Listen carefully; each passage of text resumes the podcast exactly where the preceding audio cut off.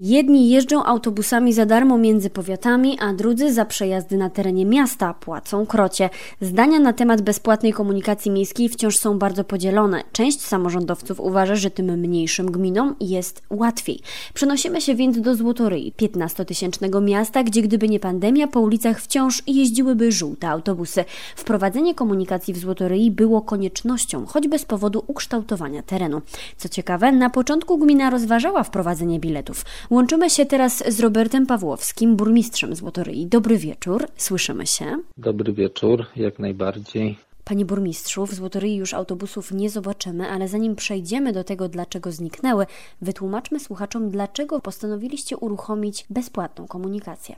Złotoryja już jest takim miastem górzystym i zwłaszcza starsi ludzie e, mają problem z poruszaniem się i to, co w płaskim terenie nie stanowi żadnego problemu przejść kilometr czy półtora, to w Złotoryi ten kilometr to może być taki, że najpierw trzeba zejść kilkaset metrów ze stromej góry, a później kilkaset metrów drapać się także na stromą górę. Natomiast y, dlaczego bezpłatna?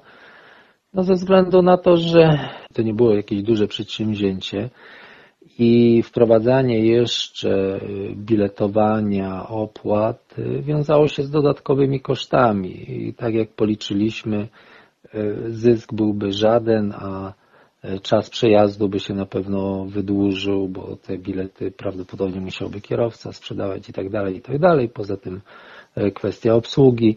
Wyszliśmy z założenia, że to nie jest opłacalne. W maju tego roku rozstaliście się z przewoźnikiem. Co się stało?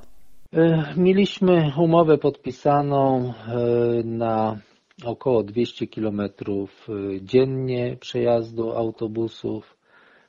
To było mm, około mm, kilkunastu kursów, kursów dwóch linii autobusowych. No niestety mm, na początku roku, gdy wybuchła pandemia, po pierwsze, no, weszły te rygory dotyczące liczby podróżnych, poza tym no, zaczęliśmy szczegółowo liczyć pieniądze w naszym budżecie.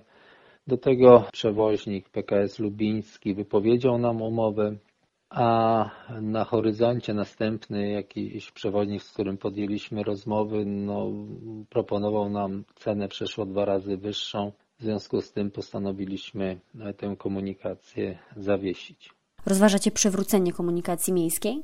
E, tak, rozważamy, natomiast chcielibyśmy, to był taki fajny okres, że dużo doświadczeń zebraliśmy. E, chcieliśmy jeszcze uzupełnić te doświadczenia taką analizą wykonaną przez firmę zewnętrzną dotyczącą jakby siatki połączeń, kierunków, y, jakich te autobusy powinny y, obsługiwać, wielkości tych autobusów. Zdarzało się tak, że co nas bolało, były kursy, które y, jeździły pojedyncze osoby, a były też takie, gdzie ten autobus był przepełniony.